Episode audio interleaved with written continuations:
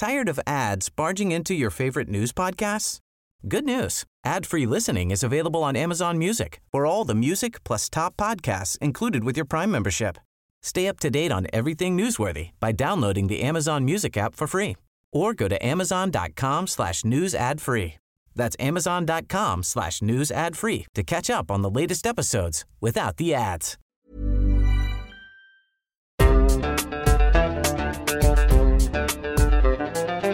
بودكاست صوت.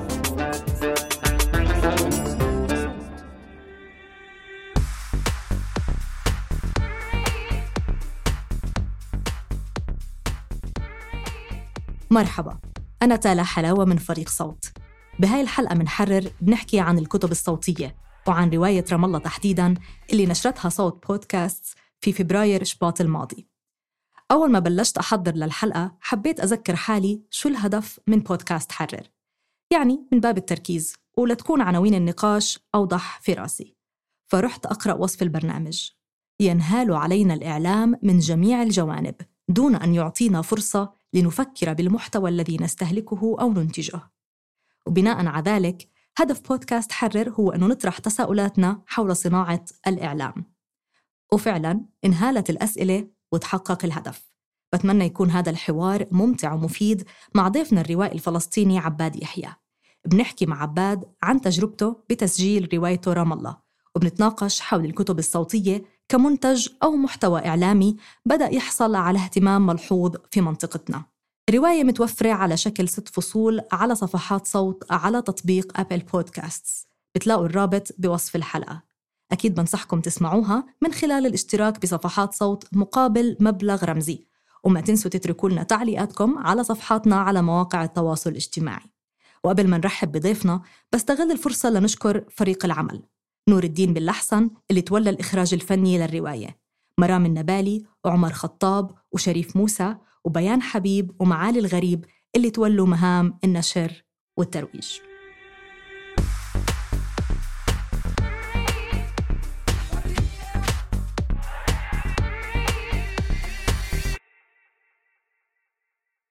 أهلا وسهلا عباد.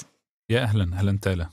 آه، كتير متحمسين نسمع عن الرواية منك وعن تجربة كمان تسجيل الكتاب الصوتي وما بعد النشر. فخلينا نبلش حوارنا بأنه تحكي لنا شوي عن رواية رام الله بشكل عام. والله لو بزبط بشكل عام كان ما كتبتش 740 صفحة. آه هاي الرواية هي آه بنظر أنا إلها إنها خلاصة آه تفكير في رام الله في السنوات العشر الأخيرة محاولة للإلمام بالأسباب اللي أدت إلى وجود هذه النسخة من المدينة. من خلال مقاربة آه، أنماط مختلفة من الشخصيات لهذه المدينة وفهمها إلها. بالإضافة إلى التفكير المستمر بأصول الأشياء يعني كيف نشأت الأمور بصورتها الأولى وتطورت إلى الشكل الحالي الذي نعيشه اليوم. كان هذا الدافع والمحرك الرئيسي وكانت هنالك رغبة بعد التجارب الروائية التي سبقتها أن يكون هنالك عمل نوعا ما يعني فلنقل شامل أو يعطي صورة كاملة. من هنا جاء آه، حجم الرواية نوعا ما مقاربتها الطويلة زمنيا آه، محاولة الإلمام بتاريخ رام الله لأكثر من 120 أو 130 سنة من نهايات القرن التاسع عشر. فالرواية بتحاول آه، البحث في تشكل رام الله بشكلها الحالي. وهنالك مواقف ضمنية تحاول الرد عنها أو عليها الرواية تحديدا من فكرة أنه المدينة ناشئة آه، نتيجة ظروف أو آه، متغيرات سياسية تمت في العقود الأخيرة. هنالك بحث أعمق عن الأصول لهذا الأمر وهنالك سؤال طوال الوقت كان يشغلني ما الذي جعل قرية صغيرة تشبه كل القرى المحيطة بها في أواخر القرن التاسع عشر تتحول إلى المدينة الأبرز فلسطينيا اليوم؟ فهذا الرواية هي محاولتي للإجابة على هذا السؤال. اللي هو مزيج من السؤال العام والسؤال الشخصي بالنسبة لي ما هو هلأ عشان هيك أنا رح أسألك عن السؤال الشخصي. يعني يمكن هو يكون آه، سؤال كليشيه أو آه، أنت متعود تسمعه من كتير ناس بس هو فعلا بثير الفضول اهتمامك بالمدينة برواياتك السابقة وبهاي الرواية خصوصي لما بنحكي عن إنه أنت ما اعتمدت فقط على الإشي الروائي كمان في كان بحث واللي بيقرأ الرواية واللي بيسمعها كمان رح يكتشف إنه في عدة مراجع أنت استندت لها حتى تقدر تكتب هاي الرواية فليش مشغول بهاي المدينة؟ أنا بعتقد أنه رام الله هي ما تبقى للفلسطينيين من مدينة. هذه هي الفكرة الأساسية اللي بتشغلني. يعني بعد النكبة و 48 تم قتل المدن الفلسطينية التاريخية مدن الساحل الفلسطيني تحديدا نحكي عن يافا وحيفا. وكذلك أي تجمعات كانت تحتوي عناصر مدينية آه، منفتحة آه، فيها نوع عالي من التمايز الطبقي والاجتماعي ثقافات مختلفة تنوع اجتماعي بين الناس اللي بيعيشوا في هذه المدينة وتحمل المدينة سمة أن هنالك الكثير من الغرباء الذين يؤمونها أو يأتون إليها. هذه المدن بالمعنى هذا قتلت مع النكبة. ولم يبقى لدى الفلسطيني مدينة. التشكل الذي حصل بعد النكبة كان تشكل في رام الله بشكل رئيسي. لم يحصل هذا من وجهة نظري طبعا أنا مهتم بهذا الجانب كباحث أيضا في علم الاجتماع. آه وطبعا أعتقد أنه يشاركنا الرأي الكثير من الباحثين والدارسين الذين اشتغلوا وكتبوا عن هذا الأمر عن قتل الحواضر المدينية آه خلال ما بعد فترة الانتداب وتحديدا قيام إسرائيل وصولا إلى آه القتل المستمر الذي تم للمدن الفلسطينية الأخرى التي. التي تشبه إلى حد بعيد قرى كبيرة ماذا نقصد بقرى كبيرة التمايز الاجتماعي الذي بينها وبين بين الناس اللي بيعيشوا فيها محدود اتصالها مع العالم محدود هنالك شيء نشأ في رام الله وتطور مختلف في هذا السياق وهو ما أهلها لتكون المدينة الفلسطينية الأبرز اليوم فالاهتمام فيها ناجم من فكرة آه، كونها المدينة الفلسطينية الباقية بتقديري حتى الآن رغم محاولات عديدة لإحياء آه، التنوع في مدن مختلفة أخرى فلسطينية ولكن يعني لا يحضرني أو لا أستطيع القول لم أقرأ شيء أو لم اعايش شيء من خلال حياتي في مدينة فلسطينية أخرى في التمايز الموجود في رام الله. من هنا جاءت الأهمية أيضا ولأن الرواية مشغولة بالمدينة، الرواية بفكرتها العامة نشاه الرواية في كفن أو كنمط أدبي في العالم ككل هو كان مرتبط بنشأة المدن الحديثة ومحاولة مقاربتها. فهم الإنسان لنفسه ضمن هذا التيار من البشر المتميزين والمختلفين الذي يشعر أنه غريب عنهم ولكن بنفس الوقت هنالك ما يجمعه معهم. فالاهتمام في رام الله جاي من هذا المكان. بشكل شخصي أيضا رام الله هي المدينة التي عرفتها. أنا ولدت وعشت طفولتي حتى يعني المدرسة الثانوية في جنين. ثم بعد ذلك انتقلت إلى رام الله للدراسة في جامعة بيرسيت وقررت الاستقرار والعيش في رام الله. فبالنسبة للفلسطينيين ككل هي المدينة وبالنسبة لي هي المدينة التي عشت فيها. هل هل تتوقع إنه تجربتك هاي الشخصية بإنه أنت جيت عليها بعمر أكبر وما قضيت فيها طفولتك كان لها برضه دور بنظرتك للمدينة؟ بالتأكيد. آه، هنالك شيء في دافع الشخص الكتابي حول أي شيء نوع من القرب والابتعاد في الوقت نفسه. أنك لا تكون قريب حد الالتصاق الذي يمنعك من رؤية الأشياء والنظر فيها والتأمل فيها. الأشياء ليست عادية بالنسبة لك يعني لم تنشأ أو تتعامل معها طوال الوقت وكأنها شيء موجود ضمني طوال الوقت معطى ثابت. عم تستكشفها طول الوقت. تماما. يعني هنالك آه، مقدار من المسافة اللازمة بين الشخص والموضوع. آه هذه المسافة تشكلت عندي حين وصلت رام الله في مرحلة من آه الوعي أو التفتح على الحياة. آه ساهمت بشكل كبير في أني أنظر إلها نظرة قد تكون إلى حد ما آه متميزة أو شخصية أو خاصة إن صح التعبير. فلذلك نعم عدم وجودي من البداية ليست معطى ثابت بالنسبة لي. وأيضا كذلك أنا عايشت المدينة في الفترة في فترة كثير مهمة برأيي. كانت فترة تغيرات كبرى ما بعد الانتفاضة الثانية. وأنا مصر على مميزتها اجتماعيا وسياسيا وأيضا اقتصاديا شكل الحياة في رام الله اختلف بعد الانتفاضة الثانية. فكنت في أتون هذا المشهد وكمان اشتغلت في الصحافة الثقافية فكنت على احتكاك مستمر مع مشهد متغير. كانت فترة من ضخ الأموال والتمويل لعمل نشاط ثقافي بناء مؤسسات ما كان يسمى في تلك الفترة بناء مؤسسات الدولة. آه، كل هذا النشاط المحموم كان آه، عبارة عن مشهد متغير بشكل كبير. يعني يستفز أي شخص يحاول التفكير في شخصه ويحاول التفكير في المحيط الذي يعيش فيه. طيب عباد لو بدنا نحكي عن رواية رام الله تحديدا يعني هي متسقة أكيد مع السياق السابق باهتمامك بالمدينة وبالروايات السابقة لكن هاي الرواية تحديدا من وين إجت فكرتها؟ شو اللحظة هاي اللي أنت فكرت إنه هاي هي البذرة اللي بدي أبني عليها الرواية اللي من 740 صفحة؟ الحقيقة هي فكرة الحجارة. المركز النقطة الرئيسية هي التأمل في الحجر. الحجر في فلسطين له مكانة أساسية ومهمة. بالمعنى الرمزي وبالمعنى المادي. هنالك صناعة كبرى قائمة في فلسطين البناء والتعمير وال والعمران مرتبط بالحجر في فلسطين وحتى أنماط البناء لها علاقة وطيدة مع الحجر بجزء أكثر من كثير مجتمعات أو سياقات أخرى. الأمر الآخر أنه الحجر شاهد على المسار الحياة الفلسطيني وفي فترات معينة يعني أخذ مركزية هائلة في فهمنا لدورنا آه، أطفال الحجارة في الانتفاضة الأولى والتفكير في الحجر كعنصر أساسي من مكونات حياتنا. اللحظة الأولى قد تكون لحظة التفكير في أنه هنالك حجر ما في مكان ما أتيحت له فرصة ليتكلم ويتحدث عما يرى. هنا بدأت اللحظة الأولى. يمكن أنه أستطيع تذكر متى حصل ذلك يعني قبل آه، تقريبا 10 سنوات أو 11 سنة 2012 2000 أواخر 2012 خطرت هذه الفكرة البسيطة. بدأت أفكر بالحجارة. حتى بدأت أقرأ أنواع الحجارة وأحاول آه، أفهم ماذا يميز نوع حجر عن حجر آخر. يعني إحنا كمان موجودين في بيرزيت بيرزيت آه، الحجر الحجر بيرزيت مميز وفي شيء خاص. ف وكمان كان في كراس يدرس في كلية الهندسة لطلاب العمارة أو طلاب الهندسة المدنية. آه، عن أنواع الحجر في فلسطين وكذا. حصلت على الكراس في تلك الفترة وبدأت أطلع عليه. كنوع من أنواع فهم هذا النوع من هذا الحجر كنقطة انطلاق. ولكن تحولت الأفكار. لسلمان رشدي عبارة جميلة جدا. يقول سئل كيف آه، متى تقرر بدء كتابة عمل؟ قال تكون هنالك ثلاثة أفكار في ذهني. فكر فيها طوال الوقت. في لحظة ما أكتشف أن الثلاث أفكار هي فكرة واحدة. فكانت أيضا فكرة نشأة رام الله وتطورها. الفكرة الثالثة هي محاولة آه، أن أعبر عن حال رام الله أو عن فهمي لرام الله من خلال شخصيات متباينة جدا. قد تختلف معي إلى حد كبير أو تشبهني. خاصة أن ذلك أتى بعد روايتين. الرواية الأولى كنت يعني رواية رام الله الشقراء كانت تعبر عن وجهة النظر آه، شباب آه، تجاه رام الله من منطلق آه، موقف فلنسمه بين قوسين ناقم على تحولات المدينة. وعدم رضا عنها رؤيتها إنها مخالفة لتصوراتهم عن الخط الوطني. ثم بعد ذلك رواية جريمة في رام الله اللي كانت أيضا بتوصف لحظة اكتشاف الذات والرغبة عن التعبير عن هذا الذات في مدينة.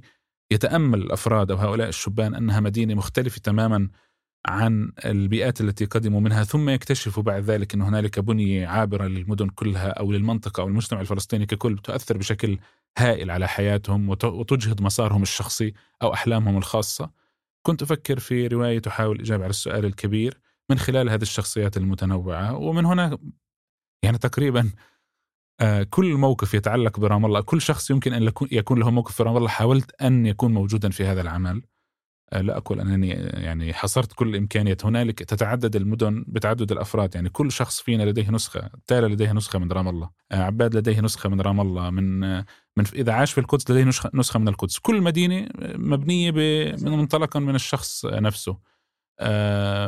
فلذلك من هنا حاولت التعبير عن الشخصيات التي تشغل بالي. هذا الترسيم النفسي لكل شخصية تعيش في رام الله. أنا أشعر بال بالفضول تجاهها حاولت الكتابة عنها. عباد لما زرناك بمكتبك عشان نصور الفيديو الترويجي للكتاب الصوتي آه، ورجيتني خريطة آه، للرواية أنت كنت راسمها. إيش قصة هاي الخريطة؟ ليش رسمتها؟ كيف استخدمتها؟ آه. هذا هذه لحظة مهمة في المصادر الأولية التي تتحدث عن رام الله في أواخر القرن التاسع عشر. وبداية القرن العشرين في الغالب هي مصادر لمبشرين أو رحالة أجانب قدموا إلى رام الله ضمن بعثات تبشيرية أو ضمن إنشاء مدارس أو ما شابه آه، وكتبوا عن رام الله. في تلك الفترة وصلت إلى نص آه، يصف منطقة رام الله القديمة يعني منطقة كنيسة الروم ومحيط المحكمة العثمانية وما حولها تلك البقعة القديمة أو سوق الحرجة هذه المنطقة التاريخية إن صح التعبير في رام الله. فلمحاولة تحويل الكلام المكتوب في ضمن في الكتاب بلغة إنجليزية عتيقة لتحويله إلى شيء أستطيع أنا الشعور فيه بدأت محاولة رسم هذا كيف كان تلك المنطقة في تلك الفترة.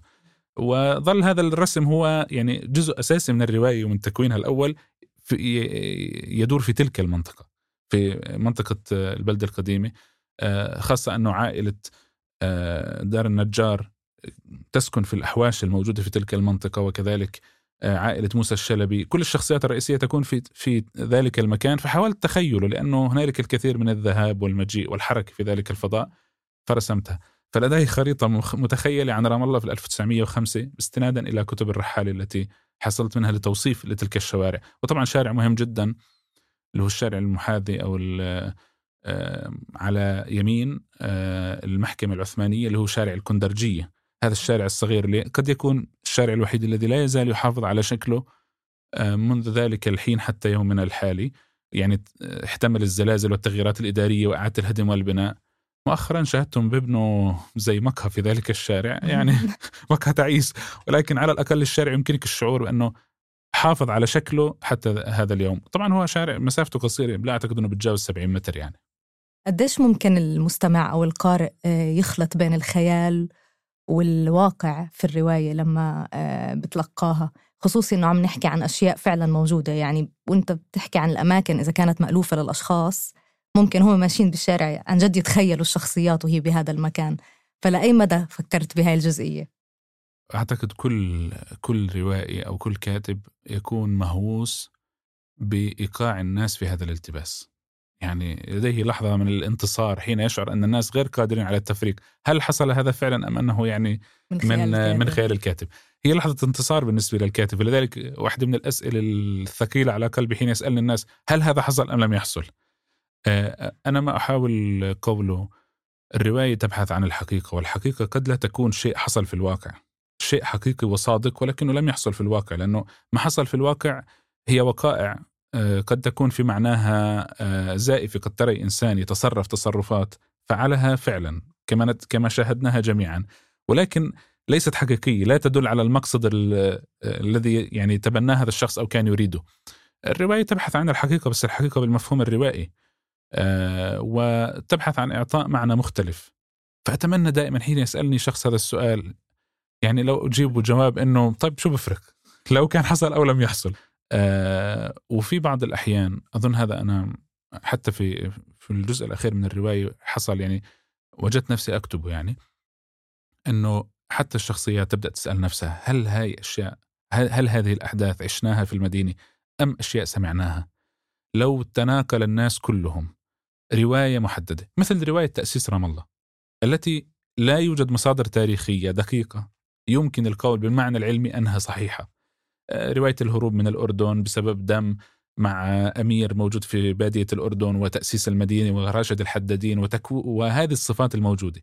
ولكن ما المهم في ذلك؟ وإن كانت كلها أجمع كل أهل رام الله على الاعتقاد أن هذه الرواية حصلت. إلى أي مدى مهم أنها حقيقية وموثقة بالدلائل العلمية؟ لدى هذه القصة قوة في الواقع أكبر بكثير من المرويات التاريخية الدقيقة. ف... فلنقل أن هنالك حقيقة روائية أتمنى أن يشعر بها القارئ حين يقرأ الأجزاء هذه. وأنا سعيد بكل التباس يقع فيه أي قارئ وهو يفكر إن حصل هذا أم لم يحصل. يعني بهنيك لأنه آه، صار كتير. في كتير أسئلة عن في كتير أسئلة عن هذا الموضوع. آه، طيب لو بدنا هلأ يعني ننتقل للحديث تحديدا عن آه، تسجيل الرواية. ليش هاي الرواية تحديدا من بين كل رواياتك اللي قررت أنك تخطو بأنك تسجلها تسجيل صوتي؟ والله هو السؤال يعني أنا غير متأكد أنه عندي إجابة واضحة ومباشرة فلنقل هي نوع من الأفكار.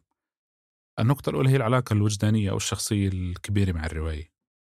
ورغبتي بأنه آه، أشعر أنه هنالك امتداد آخر لها شكل آخر مختلف. يعني أنا أستطيع التحكم بأنه كان لها الشكل الأول هي النص المكتوب.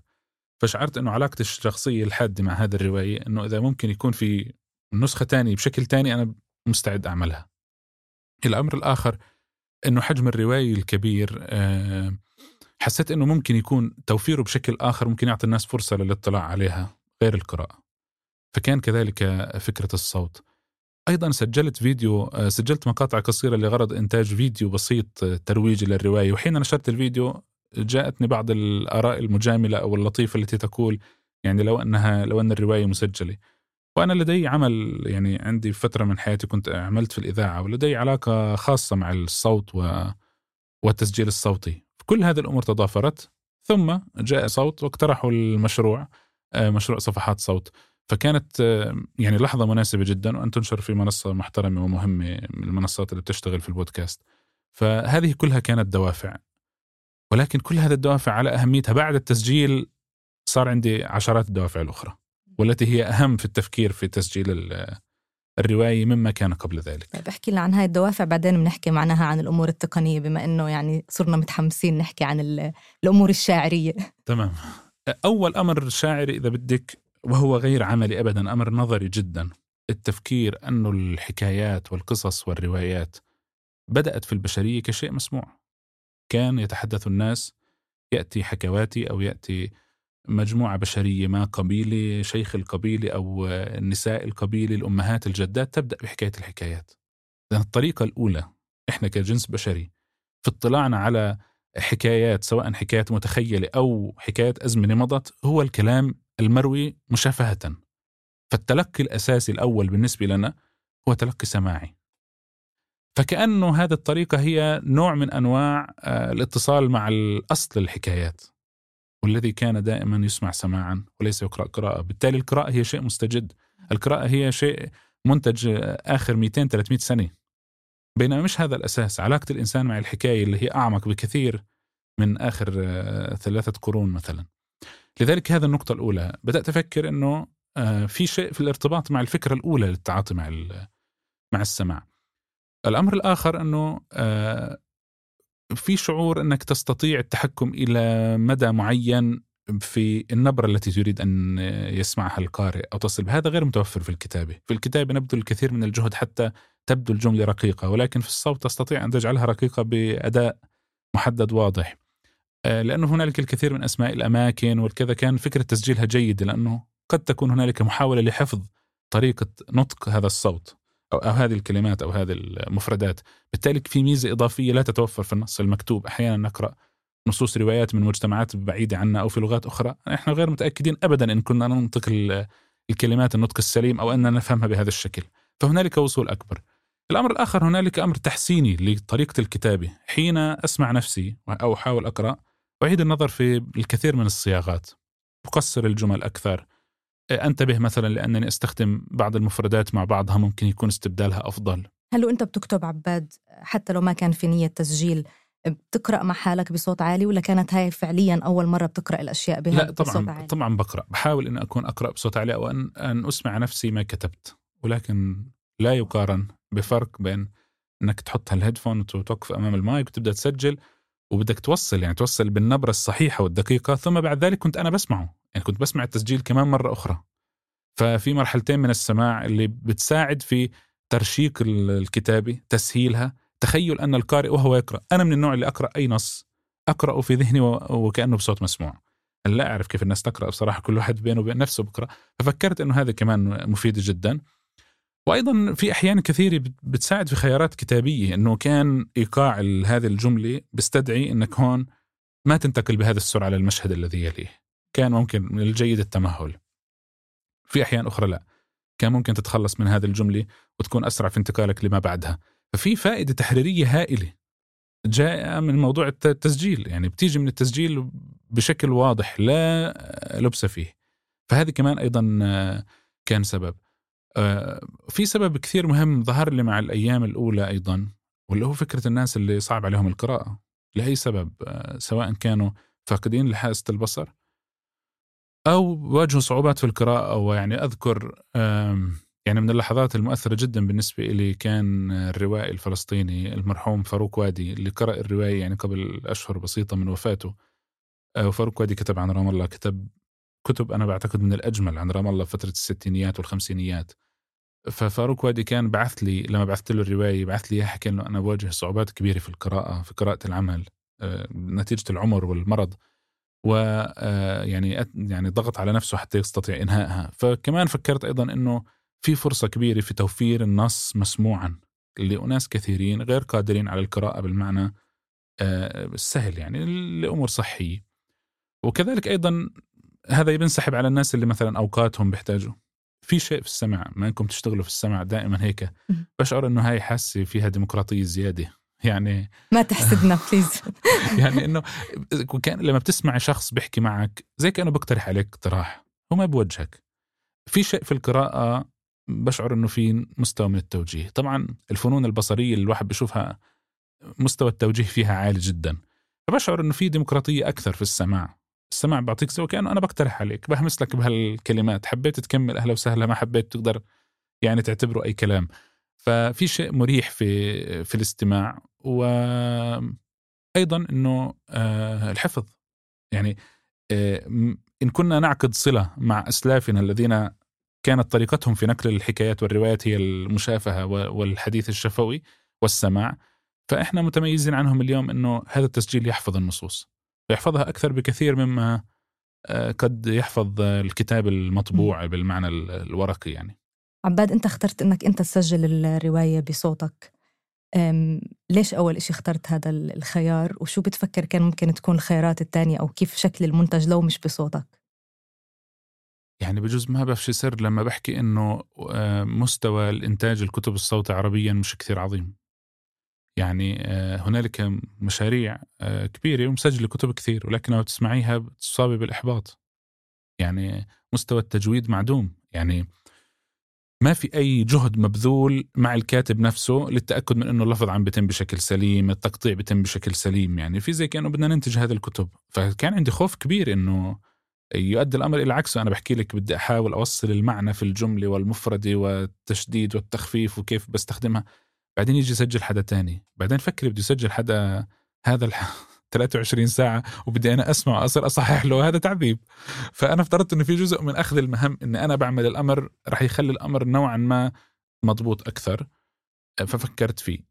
مرات بت... لما بسمع بعض الروايات أو بعض النصوص بال... باللغة الإنجليزية اللغة اللي يعني بقدر أفهمها شوي فبلاقي إنه آه، الكتب المسجلة هناك على مستوى عالي جدا من الاحتراف.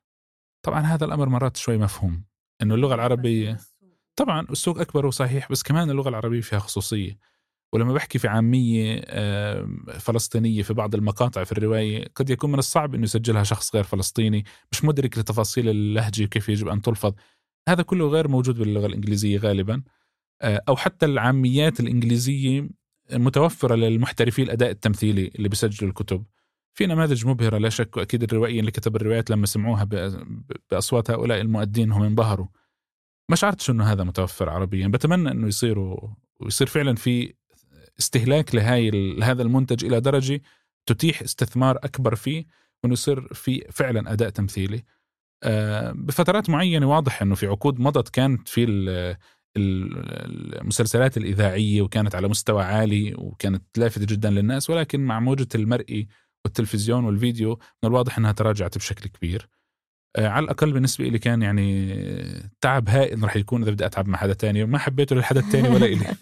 بس قديش كمان حسيت إنه ممكن هذا الإشي أربك من من المستمعين؟ يعني الناس بيعرفوا آه، عباد يحيى واسمك مرتبط ب برواياتك المختلفة عن رام الله.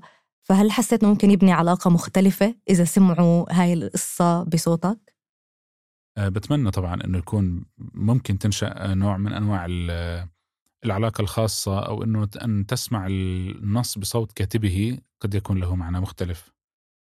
أتمنى أن يكون ذلك. تصلني بعض ردود الفعل من بعض الأشخاص اللي سمعوا الرواية بما يفيد بهذا المعنى ولكن بتمنى لو يصح لي وقت أكثر مع أشخاص فعلا سمعوا رواية بصوت كاتبها وهل أغير بشيء ما من وجهة نظرهم تجاهها أو شعروا بأنه هنالك رابط ما مع العمل؟ أنا متأكد على الأقل يعني إلى حد كبير إني حطيت جهدي إنه يكون آه هذا التسجيل وفي للرواية.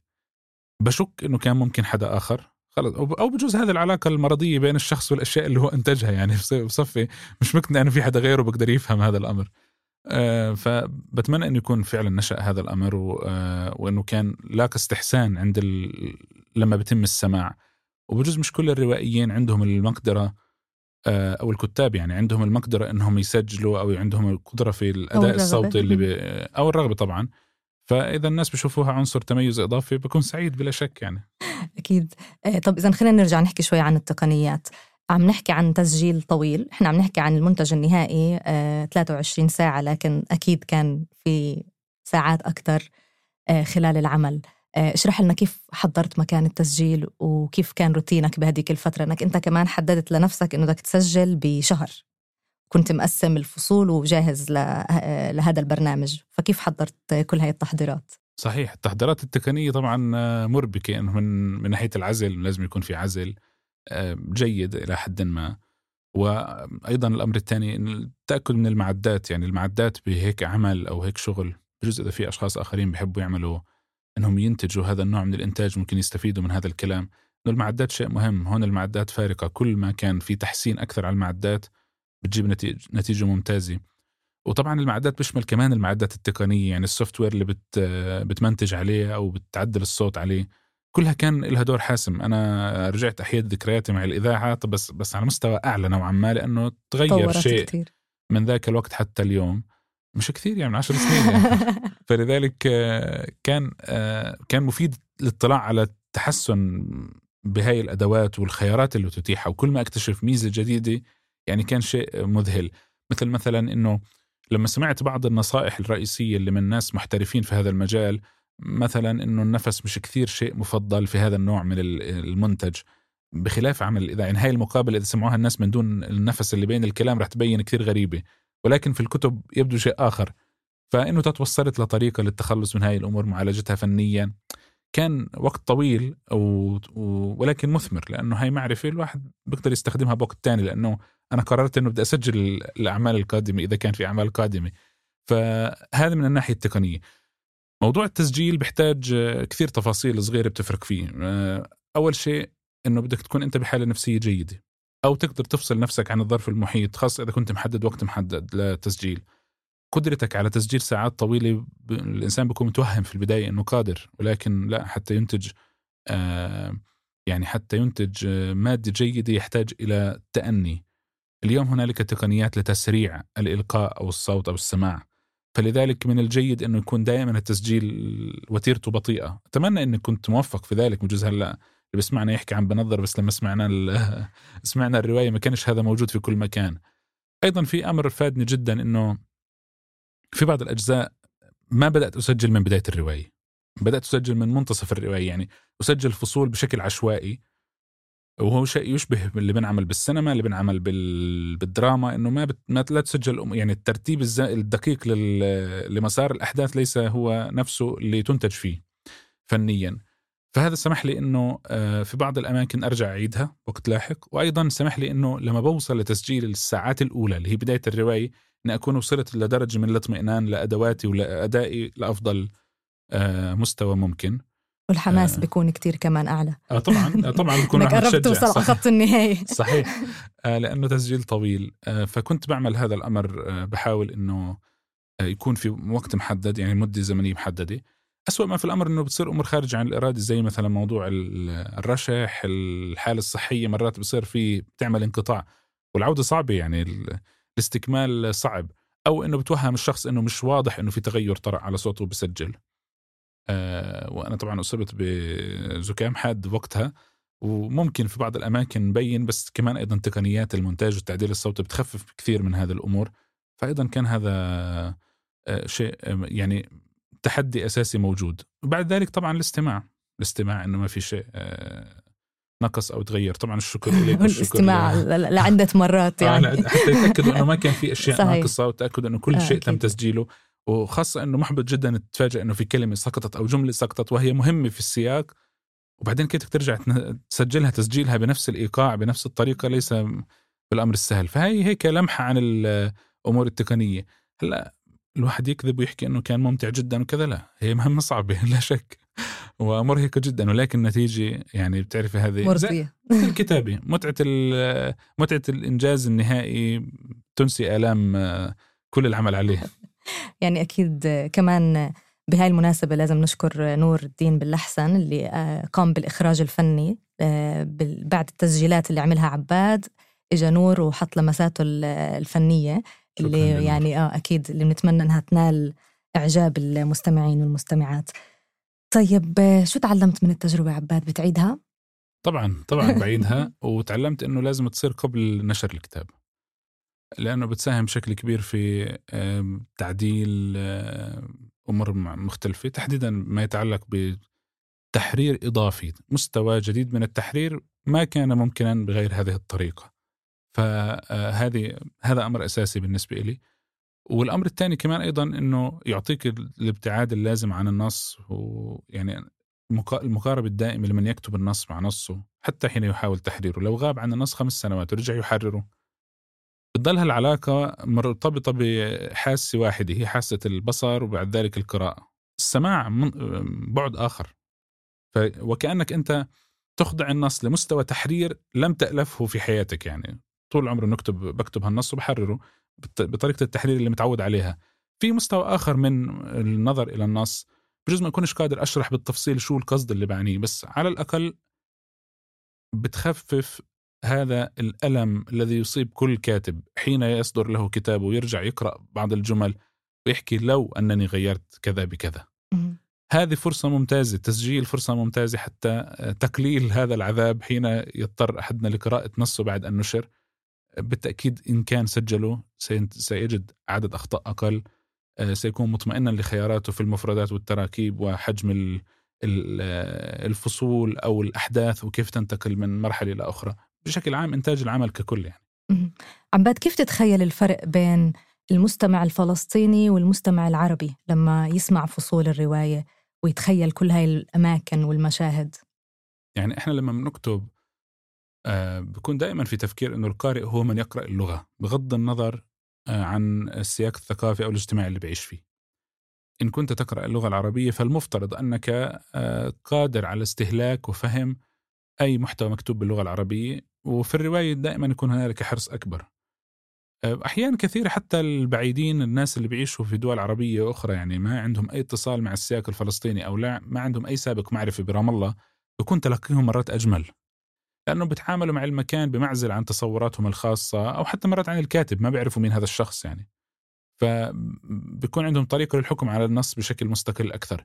فبشوف إنه الأدب طول الوقت مشغول الأدب اللي ينتج بلغة معينة طول الوقت مشغول بتوسيع آه، دائرة القراءة لكل من يتقن هذه اللغة. قد يكون هنالك بعض الطرافي في اكتشاف طريقة معينة في نطق بعض الكلمات أو بعض اللكنة المحلية. اللي أنا حاولت بجهد إني أحافظ عليها في الكتابة. أكيد بالصوت مش بنفس كفاءة المكتوب. أنا رجعت لمراجع بتذكر المحكية في منطقة رام الله في فترات زمنية سابقة. حتى أحاول أن ألتقط هذا المحكي وأميزها عن غيرها. وحين آه، سجلت حاولت المحافظة على ذلك. ما بدعي أني ناجح 100% إحنا ما عندنا تسجيلات من هذا يعني كيف كانت تنطق الكلمات؟ تكتب طريقة النطق كتابي. فبصير يتخيل الشخص كيف ممكن بمقاربتها إلى بعض لهجات القرى القريبة من رام الله اللي بعدها موجودة عند كبار السن حاليا. فتسجيلها كصوت ممكن هذا كمان أيضا بغني إنه اللهجة كيف تنطق بشكل مختلف والتمايز بين الفصحى والعامية. والانطباعات اللي بتوصلني لا إيجابية لطيفة يعني. طبعا إحنا الفلسطينيين مهتمين كثار. يعني رام الله اسم يعني مرة تانية المدينة الاسم ما في فلسطيني لا يعرفه بأي مكان كان. وشكلت جزء من ذاكرته تجاه قضيته وارتباطه فيها أو تجاه فلسطينيته ككل. فكذلك الفلسطينيين اللي في الخارج اللي ما عندهم علاقة مباشرة مع رام الله آه، هم جمهور مميز كثير بلفت انتباهي لما بيحكوا عن الرواية. أكيد.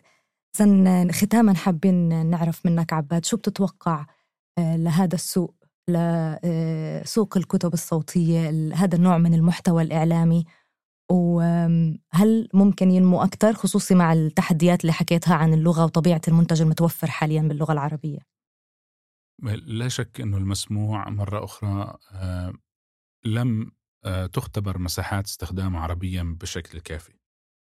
يعني لا يزال هويته شوي نوع ما ضائع بين الإذاعة بشكلها التقليدي وما طرأ بعد بعد الإذاعة من دخول الفيديو. إحنا بنعيش أنا بحكي كمان كحدا يعني عنده علاقة مع الإعلام بنعيش بمرحلة آه، فيها سطوة للفيديو.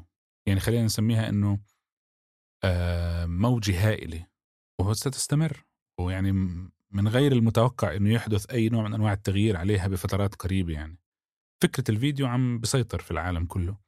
هذا آه، وكأنه آه، شيع آه، الإذاعة بشكل مبكر. صار في وفاة مبكرة للإذاعة أو سطوا عليها بحيث إنه في إذاعات صارت قائمة على فكرة وجود كاميرا بتصور الناس وهم داخل الاستوديو وبقدموا موادهم الإذاعية. ففي هيمنة للصورة صارت. في شيء مهم ومميز مؤخرا في البودكاست أنه بحاول يرجع آه، يحيي فكرة الصوت كحاسة متسيدة لوحدها. وبرأيي هون الميزة هاي أهمية هذا النمط من من المنتج. الأمر الثاني أنه في أريحية عالية في إنتاجه. عدم خضوعه للكثير من الضوابط اللي بيخضع لها الإعلام بمعنى التقليدي والرسائل الإعلامية. آه، بدءا من هاي الفكرة البسيطة اللي بنضلنا نحكي فيها إنه أنا بسمع وبقدر أعمل شيء تاني بينما أي ما بقدر أتفرج وأنا بعمل شيء تاني.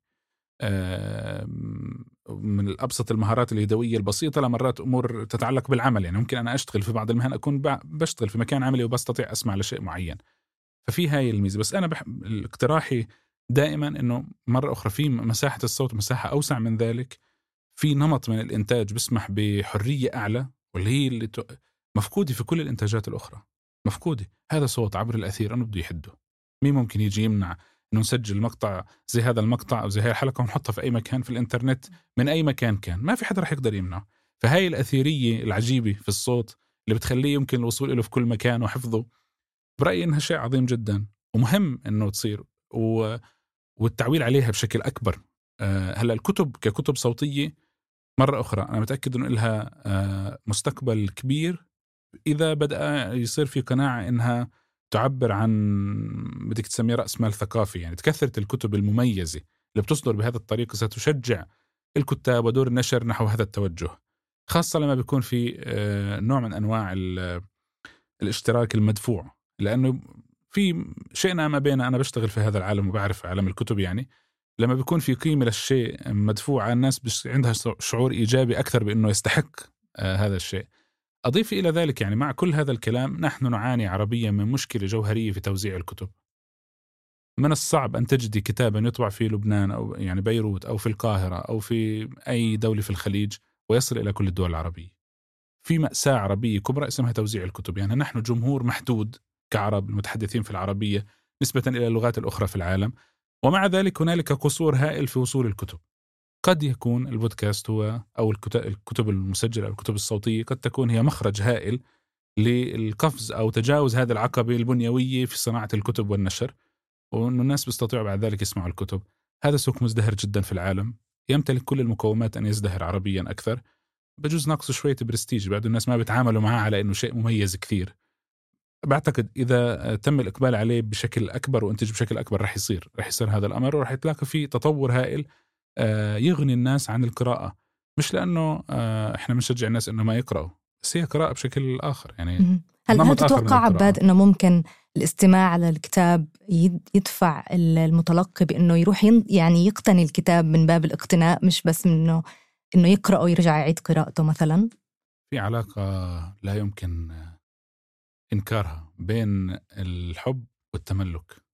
إذا أنا في كتب بحبها بشتري منها عدة نسخ. ما مش قادر أفسر هذا الأمر.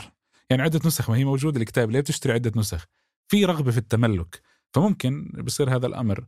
آه، ممكن في الأجيال القادمة تكون تملكهم ديجيتال آه، فيصيروا يحبوا يقرأوا الكتاب مكتوب فيحبوا يكون عندهم نسخة صوتية منه. قد يكون في شيء من هذا النوع. بس طبعا يحدث هذا كثيرا. أنا في رأيي أي نمط شيء بيشبه إنك بتشوف فيلم عن رواية معينة بعد الفيلم بتحب تشتري الرواية. هي هذا الفكرة. إنتاج العمل بأشكال مختلفة كلها بدعم بعضها. فبعتقد أيضا فعلا إنه راح إنه بجوز كمان الناس بيصيبهم شعور بشكل آخر. يعني بيحكوا إنه معناته هذا الكتاب بيستاهل تم سجلين 23 ساعة. فبروح بيشتروا الكتاب. ممكن. يعني أنا صعب أحكي رأيي لأنه رح أكون منحازة وغير محايدة. فرح آه، نترك الحكم للمستمعات والمستمعين ورح نشجعهم آه، إنهم يقرأوا يسمعوا الرواية ويقرأوها كمان مش غلط. وشكرا كثير آه، عباد كثير استمتعت بالحوار معك. شكرا لك وشكرا لصفحات صوت وصوت على هذه الفرصه الجميلة جدا. شكرا. بنذكركم إنه بتقدروا تلاقوا رابط الكتاب الصوتي بوصف هاي الحلقة ما تنسوا تشتركوا في قناة حرر لتوصلكم تنبيهات بالحلقات الجديدة إلى اللقاء